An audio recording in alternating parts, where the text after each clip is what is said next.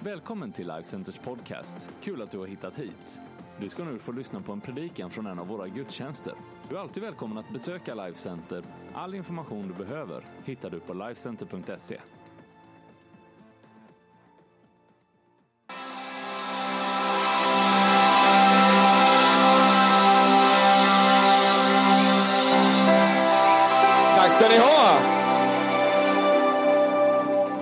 Amen. Vi gör som vi brukar göra. Ge din kompis en high five och säg eh, det är dags för eh, några bra tips.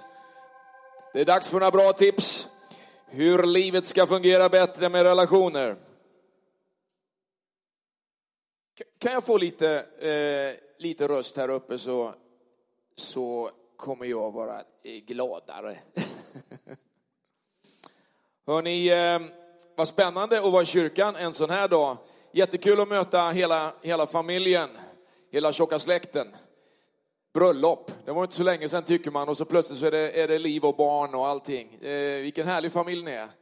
Och eh, det var en förmån att få viga Patrik och Isabel. Eh, och en jättestor förmån är det faktiskt att få göra livet tillsammans även när livet går vidare. Från liksom fester in i utmaningar och nästa steg och utbildningar och jobb och, och barn och allting. Och hela den här processen av livet handlar ju jättemycket om relationer och vi ska köra igång lite av en serie här nu under ett par söndagar där vi ska tala just om relationer. Eh, och eh, då tänker jag så här, när det gäller relationer att vi vet, vi vet allihopa att vi har en längtan efter att livet ska ge oss någonting som eh, är hälsosamt. Så att sätta ett tema på en sån här eh, predikan idag har jag tänkt hälsosamma och härliga relationer. Vad säger ni om det? Så vad är vi ute efter när vi söker hälsosamma och härliga relationer? Det är ju en väldigt bra fråga. Vi är alla ute efter någonting, men vad är det vi är ute efter? Vad är det vi letar efter i våra hälsosamma och härliga relationer? Och jag hade kunnat eh, idag eh, vrida temat åt ett håll som är väldigt vanligt, att man hittar det här med eh, eh hur håller man ihop? Eh, det gränsar till det. Eh, Men vi hade också kunnat tala om kärlek, sex och relationer. Och eh, det gränsar säkert till det, men kanske inte så mycket idag, utan det kommer väl kanske lite mer framöver. Men jag tänker framförallt på två saker. Det är dels att man blir vän med Jesus. Det är den första och viktigaste relationen för, utifrån ett kristet perspektiv, utifrån ett bibliskt perspektiv, att bli vän med Jesus. Det andra är att man eh, välkomnar vänskap och relationer naturligtvis med andra människor. Vet, relationer är ju så pass viktiga att de står över många andra saker vi möter i livet. Du vet, du kan vara sjuk, du kan ha gått igenom en tuff period i livet, men när du har hälsosamma relationer eller relationer som ger dig någonting och som bygger ditt liv så kan du gå igenom väldigt mycket och faktiskt njuta av livet trots att du har utmaningar i livet. Trots att du kämpar med saker i livet, trots att du går igenom tuffa saker så kan du faktiskt parallellt med det leva ett annat typ av liv. Och väldigt mycket av det beror på relationer runt omkring dig som uppmuntrar dig, som talar in i ditt liv, som hjälper dig att lyfta blicken, som får dig bort ifrån självömkan och självcentrering till att ge ditt liv för någon annan, mitt i det som du själv går igenom. Så relationer är helt avgörande. Du kan å andra sidan tjäna pengar och vara väldigt framgångsrik kanske i livet eller ha mycket status och så vidare men vara totalt miserabel. Va? På grund av att du lever i kraschade relationer eller på grund av att dina relationer är dysfunktionella till föräldrar eller till dina barn eller till, till liksom de som är närmast omkring dig. Så relationer är ju oerhört avgörande. När Bibeln talar om eh, den första människan, Adam, så säger faktiskt Gud i första Mosebok, det är den första boken i Bibeln. Eh, I det andra kapitlet där så säger han att, att eh, Gud sa, Herren Gud sa, det är, inte, det är inte bra för mannen att vara ensam. Eller hur? Och, och, det är ganska skönt att Gud, han ser liksom att han har gjort, liksom, eh, han har skapat mannen och eh, det finns säkert lite teologiska liksom, eh, funderingar omkring det där. Om nu Gud- Gud gör allt perfekt, varför skapar han inte kvinnan med en gång? Hallå? Är ni här idag eller? Om han gör allt perfekt, varför skapar han inte kvinnan med en gång? Nej, men det, det står ju faktiskt att han, han, eh, han gör då en kvinna, va? skapar en kvinna därför att liksom mannen är inte på något sätt komplett. Va? Och, och för att vara hans medhjälpare. Men det står också i en tid när vi då tittar lite på det här med hur vi värderar varandra till att vara honom lik i allt. Jämlike, till hans jämlike står det faktiskt. Och där, bara där har du ju bilden över att inte någon skulle råda över den andra, utan man skulle underordna sig varandra, säger Bibeln. Vidare, ganska många gånger i Nya Testamentet, att, att liksom kärleken visar sig genom att man underordnar sig varandra. Det är inte jag, mig och mitt, utan det är att man ger sig för varandra. Och det gäller från mannen gentemot kvinnan och från kvinnan gentemot mannen. Det gäller från barnen till föräldrarna och från föräldrarna till barn. Så att det inkluderar alla våra relationer. Så när då hela Bibeln talar om relationer så tänker jag på ett bibelställe och låt oss använda det här som en utgångspunkt för det vi ska tala om idag. Mästare, vilket är det största budet i lagen? Det var alltså en religiöst, eh, religiös, eh, eh, kunnig person va? som ville på något sätt komma åt kärnan i det som Jesus förkunnade. Man hade lite svårt att zooma in vem han var och vad han lärde och så svarar Jesus så här. Han svarade, du ska älska Herren din Gud av hela ditt hjärta och av hela din själ och av hela ditt förstånd. Och det förstod man därför att det, det ingick i den judiska traditionen och i det som var deras lära, det kallas för schema. Alltså att älska Herren din Gud av hela ditt hjärta, hela din själ och hela ditt förstånd. Det var så pass inpräntat i den judiska traditionen att man skrev det till och med på dörrposten. Va? Så man visste det, man matade det in i liksom nästa generation när de gick in och ut ur hemmet. Va? Så, så liksom påmindes man om att det är det här som är det stora i ditt liv, va? att du ska älska Herren din Gud. Men så lägger Jesus till. Va? Detta är det största och första budet. Ja, säger de. Sedan kommer ett som liknar det. Du ska älska din nästa som dig själv. Du ska älska din nästa som dig själv. På dessa två bud hänger hela lagen, hänger, vilar hela lagen, alla, alla regler omkring livet och också det som då profeterna, alltså det som var undervisningen, det som pekade på liksom att livet skulle bli komplett, det hänger på det här. Att älska Gud först, liksom av allt liksom den kraft och det förstånd och det intellekt och den vilja som man har. Men också att älska andra människor lika mycket som man älskar sig själv. En del behöver jobba lite på att älska sig själv lite mer. Andra behöver jobba mer på att våga älska andra människor, inte bara älska sig själv. Men framförallt bygger det på att man, man har hittat kärleken till Gud. Och jag tänkte idag tala just om det här med starka relationer. Och att livet handlar om relationer. Det handlar om relationen med Gud, det handlar om relationen med dig och det handlar om relationen med andra. Eh, Gud har ju starka relationer. Fader, son, heligande. Olika sidor av Gud och det uttrycker liksom ett relations Eh, Eh, en kontext av relationer. Va? Fader, son, helig ande. De finns i en relation med varandra. Va?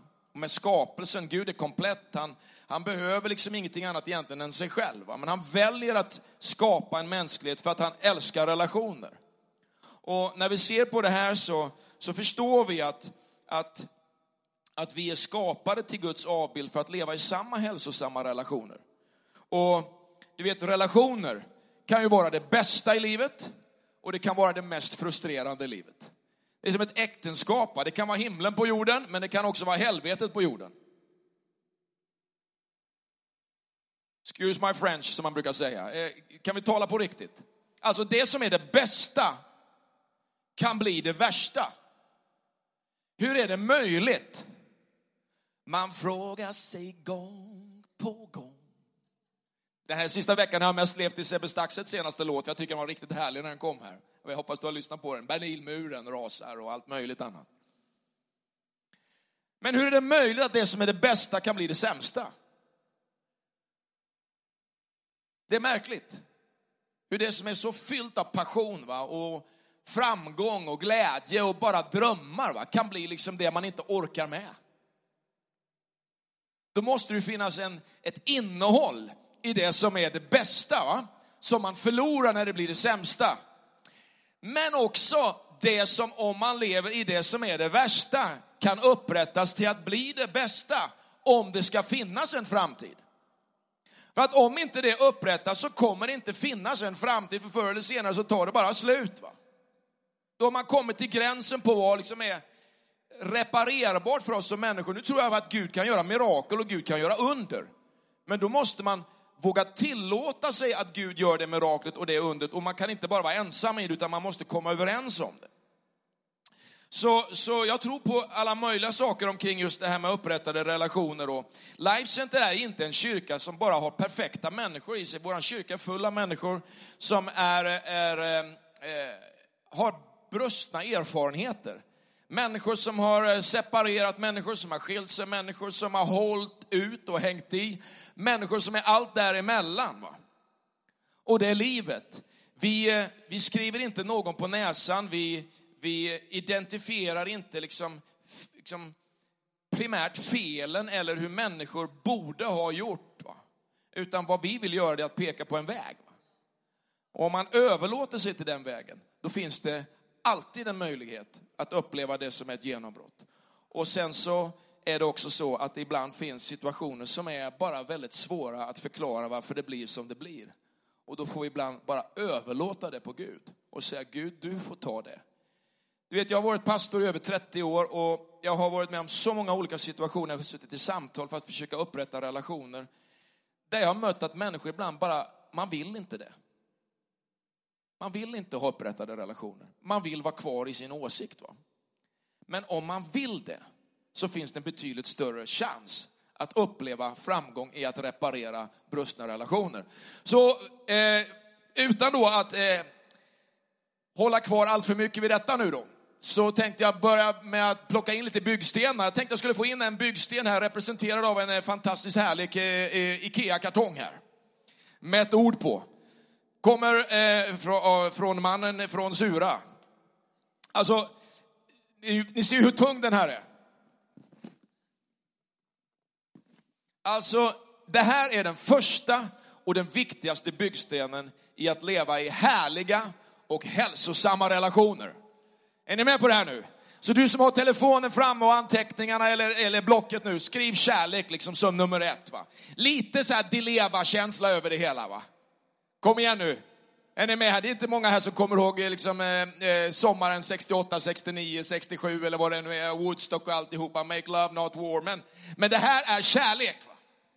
Kärlek är basen för det som är härliga och upprättade relationer. Vi ska stapla lite olika, eh, lite olika eh, byggstenar här nu den här förmiddagen tillsammans. Och då tänker jag just på den här startpunkten för alla långsiktiga och härliga relationer, va? som kärlek ett genuint intresse för de människor man relaterar till. Alltså det är ju ett uttryck för kärlek. Jag är intresserad av den här personen. Men också på ett sånt sätt att jag uttrycker mitt intresse för den personen genom att jag faktiskt visar att jag har ett intresse av den personen. Det här med kärlek som inte uttrycks, eller kärlek som hålls fördold. Va? Är ni med? Det, det, det, är ingenting, det är ingenting vi är ute efter. Utan vi är ute efter en kärlek som uttrycks. Va? Kärlek kan uttrycka sig på ett sätt som handlar om, jag älskar dig. Men kärlek kan också uttryckas på ett sånt sätt att, jag tycker inte om det här. Och jag tycker att vi är värda någonting bättre. När jag förberedde mig för, för här, eh, den här predikan idag så tänkte jag så här, vid varje punkt va, så tänkte jag så här, oh, du är en skurk PJ. Du är en skurk. Det, här har du brustit. Ja, det har jag. Jag har brustit på varje punkt som jag predikar om idag och därför predikar jag på alla punkterna idag med frimodighet. Därför att jag vet att när jag predikar för dig så predikar jag för mig. Är det okej okay, eller? Så eh, många problem och eh, konflikter i relationer handlar ju om en maktkamp på något sätt. Det är en maktkamp mellan känslorna, maktkampen mellan att jag har rätt och du har fel, eller du har rätt och jag har fel. Och så och så glider vi liksom mellan det här att vara över eller att vara under. Va? Att vara skurken eller att vara liksom den som har vunnit. Va? Jag tror inte på en, en, en, en jag tror inte på det som brukar kallas för kampen mellan könen. Va? Av en enkel orsak, det finns liksom en kamp och varje kamp innebär att man har vinnare och man har förlorare. Va? Utan man måste hitta någon, liksom en common ground, en gemensam utgångspunkt som gör att man vinner, att båda vinner. Det finns många saker vi i vårt samhälle var tvungna att rätta till. Va? Eh, I ett demokratiskt samhälle, rösträtt både för män och kvinnor. Eller hur? Det ordnade man för ungefär 120 år sedan i Sverige, eller någonstans i början på 1900-talet, tror jag det var, 1904. 21, 21! 21! Alldeles för sent alltså. Men 1921. Det här lika värdets uttryck, va? Eh, gam, vårt gamla ståndssystem i samhället som handlar om borgare, va? prästerskap och bönder. Jag har precis varit liksom i, i Ryssland för ett par veckor sedan. De hade väldigt, väldigt länge en livegenskap, va? en modern slaveri. Va? Och det vet vi också vad eh, USA dealade med eh, eh, och har dealat med och dealar fortfarande med konsekvenserna av att, att det finns liksom en kamp emellan. Och den här kampen pågår i alla de här relationerna vi försöker liksom leva i. Vi har människor som lever i nya relationer här i, i Life Center. Man är nykära, man har hittat varandra. Va? Och så försöker man på något sätt positionera och förstå liksom varandra i detta. Och det är någonting som vi behöver liksom deala med som är istället då eh, eh, omtanke. Va? Den genuina kärleken till varandra istället för maktkampen och känslorna av utanförskap för alla de där frågorna åtgärdas med en stor portion kärlek. Va? Det är ju kärleken till Ulrika som har fått oss, liksom att, min, min hustru Ulrika, som har fått oss att ibland sätta oss ner och tala igenom på djupet. Va? Vad vi behöver jobba på i vårt äktenskap, i vårt förhållande. Eh, och det är utifrån det perspektivet jag utmanar dig att vara driven av kärlek mer än driven av att ha rätt i alla lägen. Du vet, relationer byggs ju på att man är överens om de ska vara bra. Det står så här i Filipperbrevet 2 och från vers 2. Gör min glädje fullkomlig genom att ha samma sinnelag, samma kärlek, vara ett i själ och sinne. Sök inte konflikt eller tom ära. Var istället ödmjuka och sätt andra högre än er själva. Se inte till ert eget bästa utan också till andras. Alltså det, du vet, människor som ständigt söker konflikter har jag känt. Jag känner några stycken. Det är alltid konflikt. va? Allting är en konfrontation, allting är en konflikt. De personerna, om man också parar det med att vara ganska full av sig själv, blir sällan väldigt bra vänner. Det är inga bra vänner för dig att hänga med människor som alltid söker konflikten eller alltid är jag, mig, mitt. Du berättar att du har varit på en semesterresa. De ska alltid berätta att de också varit där, dessutom varit på en annan plats för att lägga på. Liksom, va? Är du med? Sällan bra vänner. Sällan bra vänner. Sök bra vänner. Sök bra vänner. Byggsten nummer två. Vad är det? Jo, byggsten nummer två, den kommer här nu. Ska vi se om vi hittar en tvåa. Tvåan är uppmuntran ordet uppmuntran. Vi kan ställa den ovanpå den där. Uppmuntran. Därför att ett stort problem för att uppleva positiva relationer, det är ordet kritik. Va? Här tror jag vi alla kan liksom känna igen oss när vi tittar liksom på våra relationer, våra förhållanden, när vi iakttar varandra. Va? När det liksom går riktigt surt, när det blir gnabbigt i ett team, i en relation hemma, mellan föräldrar och barn, den här kritiken. Vet, det finns undersökningar som visar att positiva relationer, alltså sådana som man säger, jag lever i en härlig och positiv relation. De relationerna innehåller fem gånger mer, fem gånger mer positiv uppmuntran än vad relationer som man inte säger är liksom jättebra. Va? Så den som säger, ja, vi har en kanonrelation och vi, vi har det bra hos oss, där är det fem gånger mer uppmuntran än i en relation där man upplever att det inte är, liksom är kanon eller bra. Så fem gånger mer. Eh, det är en ganska bra iakttagelse när vi tänker på våra egna relationer. Uppmuntran. Efesierbrevet 4 säger så här, låt inga smutsiga ord komma över era läppar, utan bara det som är gott och bygger upp, där det behövs så att det blir till glädje för dem som hör det. Och, och när jag tänker på det här så, så känn, här, här är de här ögonblicken va, när jag ibland kan uppleva när jag förbereder en predikan eller jag förbereder mig utifrån liksom värderingar att PJ, fortsätt jobba på de här sidorna av ditt liv som eventuellt innehåller de här eh, faktorerna. Va? Ingen av oss som sitter här är undantagen.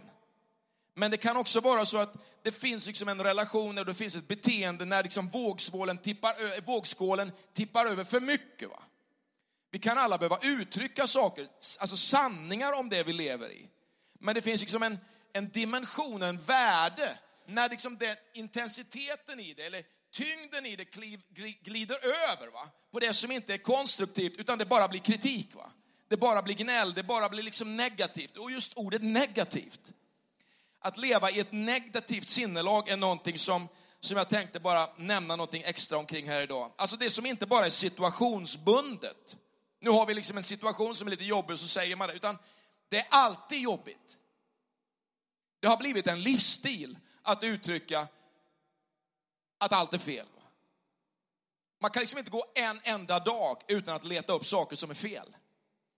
Du vet, eh, många gånger skulle jag säga att det här är präglat av ens uppväxt.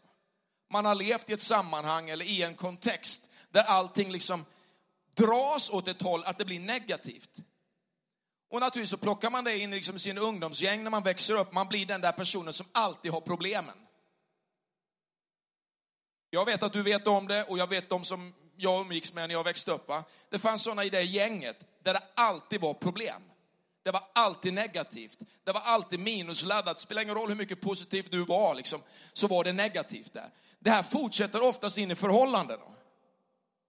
Så sitter man i ett förhållande kanske 10-20 år senare och så är det liksom det negativa som tog över. Va? Till liksom det når en punkt då den andra liksom partnern inte pallar med längre. Va? Och jag tror att det är oerhört viktigt för oss att dela just med begreppet negativt. Alltså, det, vi kan höra det också i kyrkan ibland. Kyrkan är så ytlig. Det är bara happy clap i kyrkan. Det är ett supertecken på att man kommer minusladdad till kyrkan. Det är ett supertecken på att du kommer minusladdad till ett sammanhang som vill så in det positiva i dig. Va? Därför att du är så präglad av från det negativa, att liksom du mäter allt utifrån en negativ kontext. Va? Men, men det finns hjälp för oss och det finns hjälp för dig. Det första är att erkänna det. Att sluta vara driven av att du måste vara på ett visst sätt. Erkänn att jag har liksom en dragning, en läggning åt det negativa. Det andra jag tänker på är att man måste förstå att negativitet är ett resultat av ett programmerat tankemönster. Programmerat tanke. Du vill inte vara så. Men du är programmerad åt det hållet. Och, och det är det som gör att du vänder en neutral eller en positiv situation alltid till det negativa. Va? Det är soligt ute nu. Det var kallt nyss, men nu är det jättevarmt. Det är alldeles för varmt. Det är alldeles för kallt, det är alldeles för varmt. Jag kan hålla med till viss del. Men alltså, eh, nu är det härlig sommar, men snart blir det regn. Snö, hagel och drivis midsommarafton, det är jobbigt nu. Alltså, bra semester, ja men nästa år blir det nog dålig. Alltså, ungefär så här va. Så att, hur gör man då? Jo, man, man, man börjar förändringen genom att identifiera de här negativa tankemönstren, både hos sig själv och hos andra. Va? Och när du tittar på dem hos andra, då, då, då, då tänker du så här, jag vill inte vara sån. Sån vill inte jag vara längre. Och det är där jag tror bland annat att det här med att byta vänner är superviktigt.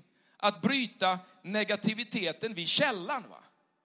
Att bryta negativiteten vid källan och börja umgås med människor som lyfter och talar upp. En annan sak är att sluta med sarkasmen. Du vet, det, det finns ju en humor va, som, som jag kan tycka är rätt kul. Va? Liksom, den här steken var ju jättegod. Och så himlar man med ögonen, va? för att den var ju apseg. Va? Men liksom allting präglas av sarkasmen. Man har liksom en bra upplevelse, men man måste liksom på något sätt vända det till, liksom, ja, idag ja. Så sarkasmen är ju en humor. Men vi får byta humor. Du behöver byta humor. Va? Och jag tror att det är en superviktig bit också för dig att byta den humorn. Liksom att också sluta säga saker som vi kanske ibland, jag hatar det här. Hur många gånger kan man inte säga det? Åh, jag hatar eh, punktering. Sluta hata. Byt däck. Alltså, eh, jag kanske också, sluta leva så jättelutherskt. Vad menar jag med det? Jo, alltså, du vet när Luther säger skrifterna lena, då, då, då betyder det liksom att det är den här läran som är den sanna.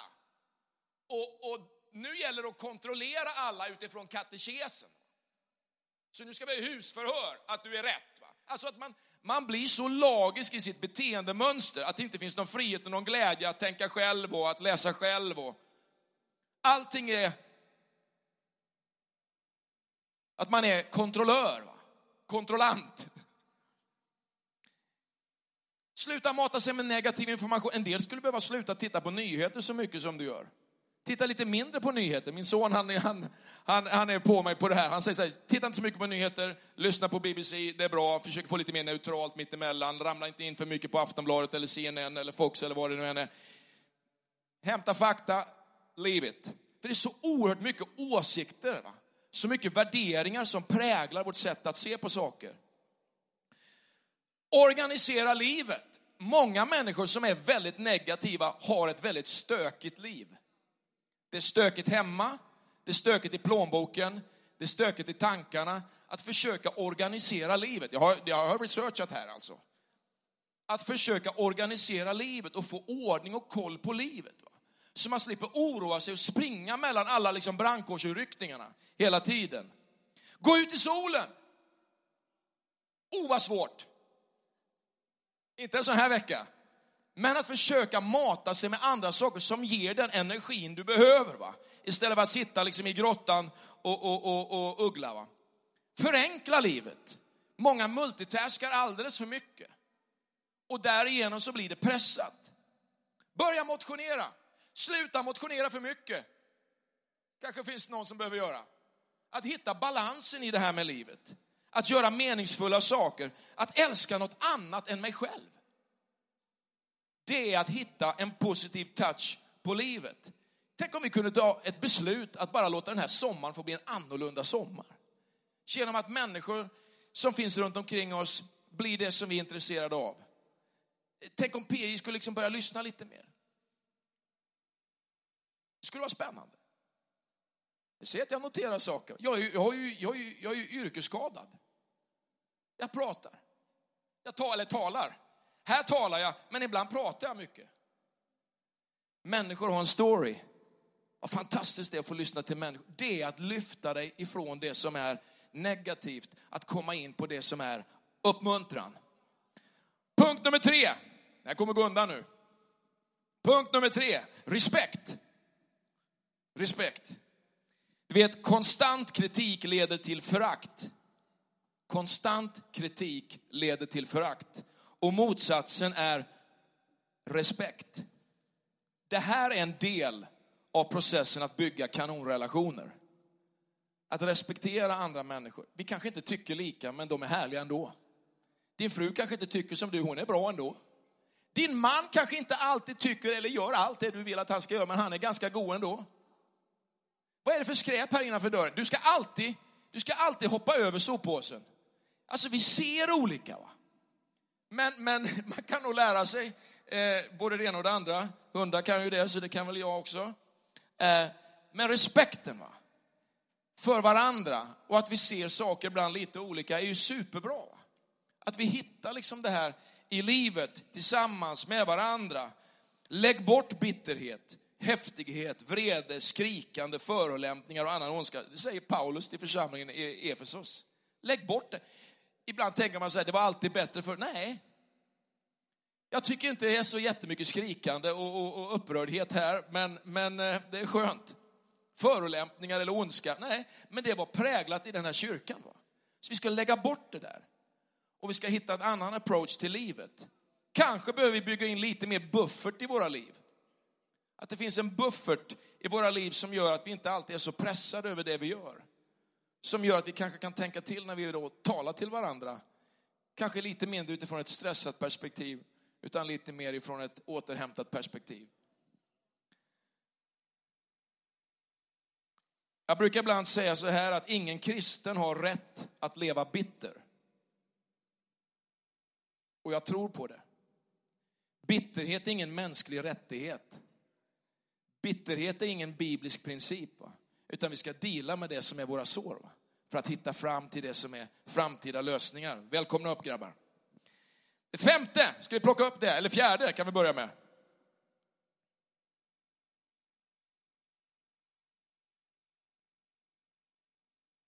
acceptera ansvar. Du vet, Bibeln lär ju oss på något sätt att det här försvaret och, och på något sätt skuldbeläggandet av andra för saker som gått snett, det bromsar en relation. Det är inte jag, det är hon. Det är inte hon, det är jag. Det är mycket bättre. Att acceptera ansvar. Att, att, att jag är en del av lösningen. Jag är en konstruktiv del av lösningen istället för en konstruktiv del av problemet. Va? Och jag tänker just på sådana här saker som, som du vet, när, när Paulus talar om den första nattvarden så säger han så här. Du vet den, för, den första nattvarden, sista måltiden Jesus hade med sina lärjungar. När han beskriver den så säger Paulus så här. Var och en ska pröva sig själv. Första Korinthierbrevet 11 och 28. Var och en får pröva sig själv. Att ha den självreflektionen. Det är några av de bästa stunder i, i Ulrikas och min relation har varit när man har kunnat sätta sig ner och reflektera över sin egen del i det man går igenom. Min del i att lösa situationen. Den bra lösningen, den härliga framtiden kommer när jag accepterar ansvaret för det som är utmaningen i det som är vår relation. Att peka finger förstorar problemen. Men att sitta ner med ett öppet sinne och inte bara försvara sig själv, det är en bra utgångspunkt för en ny lösning. Vi ska ta de sista här, vi ska hinna med det. Vi ställer den på toppen här. Bryta låsningar. Bryta låsningar. När konflikter eskalerar till en viss nivå så slutar människor tala med varandra. Har du hört det här förut? Man slutar gå i kyrkan. Man låser in sig på kontoret, på jobbet. Man går ut och går och kommer hem när alla andra har lagt sig. Man är tyst. Man säger inte vad problemet är, men säg vad det är så är man tyst. Då har man kommit väldigt långt i konflikten. Man undviker andra. Har ni noterat det här någon gång? Kanske i ditt eget liv, kanske hos vänner runt omkring dig. Man undviker att dela med det. Från destruktiv låsning till dialog. Från destruktiv låsning till dialog. Det är dit vi behöver komma. Att börja prata om det. Du vet, det finns alltid potential för mer konflikt. Men människor med bra motiv, de pratar. Människor med bra motiv pratar. Människor med bra motiv, de pratar med varandra. Destruktiv dialog? Nej. Från destruktivt beteende till en, till en bra dialog istället. Det är dit vi behöver komma med det som är. Vet, det engelska ordet för det här det är deadlock. Dödslås. Och eh, det är ingenting vi vill ägna oss åt. Nummer sex. Det är två stycken kvar. Här kommer sexan. Hantera känslor. Vad betyder det? Jajamän. Come on. Det är nästa som är problemet. Det är nästa som är problemet. Lägg bort bitterhet, häftighet och vrede, läste vi tidigare. Vad är det grundläggande i allt det här? Det är att hantera sina känslor. Var kommer känslorna ifrån? Människan är ande, kropp och själ. Din kropp gör vad dina tankar och dina känslor säger. Men vad är det som styr dina känslor? Det är din ande, det är det som är kärnan. När du blir förvandlad i ditt inre är det därifrån du drar kraften till att förändra ditt tänkande. När Guds ord i Romarbrevet 12 och 2 säger låt oss förvandlas genom en förnyelse av våra tankar. Då kan förändring komma. Men vad förändrar ditt tänkande? Det är att du drar från den källa som ger dig ett nytt liv. Du måste hantera dina känslor genom ett förändrat tankemönster. Det är tankemönstret som behöver förändras. Och den sjunde punkten. Kom igen nu, är det någon som kan lyfta grabben upp här? Det är stolen.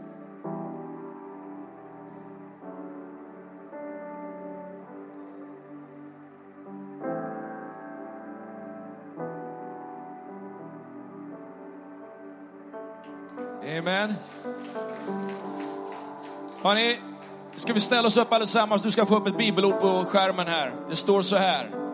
Filipperbrevet 1 och 9. Min bön är att din kärlek ska överflöda mer och mer och ge insikt och gott omdöme. Det finns en fantastisk kraft i bönen. Du vet, Bibeln säger så här, gläd er med dem som är glada, gråt med dem som gråter. Alltså det finns någonting i att en bön i våra liv ska vara att kärleken överflödar. Och när du hittar liksom kraften i att kunna be, så kan till och med omöjliga relationer förändras. Jag har sett det så många gånger att just miraklet omkring en, en, liksom en förlorad situation kan förändras genom att man kommer till Gud. Därför att det gör någonting i mitt eget inre när jag ber. Vad är det som händer när jag ber? Jo, jag renar mina tankar, jag skaffar en annan input, jag tänker nya tankar, jag, jag kopplar mig i det, ihop med det som är Guds möjligheter, inte bara mänskliga omöjligheter. Och jag ser på mina situationer på ett helt annorlunda sätt. Det här är någonting som vi alla kan praktisera och varför inte låta det här få bli en fantastisk uppmuntran till oss den här sommaren om att leva ett annat liv när det gäller våra relationer. Kärlek, uppmuntran, respekt, acceptera ansvar, bryta låsningar, hantera känslor och bön. Och det här är en fantastisk bild för en framtida undervisningsserie. Det här är framsidan på CD-skivan. Är du med? Det här behöver du kunna ställa dig bredvid och säga det här är faktiskt någonting jag tror på i mitt liv. För det jag går igenom och börja praktisera som vi alla behöver. Ska vi be tillsammans? Herre, jag bara tackar dig Herre för att vi får tro på dig, på det bästa du har för oss Gud. Herre, jag tackar dig Gud Herre för sunda relationer, härliga relationer baserade på kärlek Herre. Att vi får se, Herre, situationen utifrån ditt perspektiv också, med att uppmuntra varandra, att inte leva i en negativt präglad tillvaro, Herre. Jag bara prisar dig Gud för respekt här för människor runt omkring och säger att vi får liksom, älska människor in i det som är, är faktiskt också ett, ett, ett, ett sätt att se på varandra som är respektfullt Herre. Herre, jag tackar dig Gud, Herre, för ansvar i mitt liv och i våra liv, Gud, Herre. Att, att inte bara banga undan, Herre, och, och, och krypa undan liksom, på ett sätt som gör att vi, vi liksom mörkar våra liv, utan vi accepterar ansvar för det som, som du har gett oss, Herre. Herre, vi ber här också för, för det som är omöjliga situationer, här. Att varje situation behöver en hjälte som kliver fram och säger, men jag tar det här. Behöver inte att, att, att vi, vi, vi säger att allt vi har gjort är fel, Herre, men vi accepterar att ansvaret ligger också på oss att se att det blir förändring, Herre. Herre, jag lovar dig Gud, Herre, för att det finns också ett känsloliv som är baserat på att ditt ord säger sanningen om oss, Herre. Att det finns något som din ande talar om oss, som inte, som inte bara är, är känslostyrt, utan som kommer ifrån vad vi är i dig, Herre Jesus. Herre, jag lovar dig, Herre, för bönens makt, Herre. Och jag ber just nu, Herre, för varje situation som är representerad i det här rummet, Herre, att vi får tro dig om det bästa. Vi talar till bröstna relationer i ditt namn, Jesus. Och vi proklamerar din härliga upprättelse, Herre, och styrka för varje person som är här. Jesu namn. Tack Jesus. Vi ska göra så, vi ska sjunga en refräng tillsammans med vårt team här nu. Och därefter så vill jag be en enkel bön, unikt och specifikt just för dig.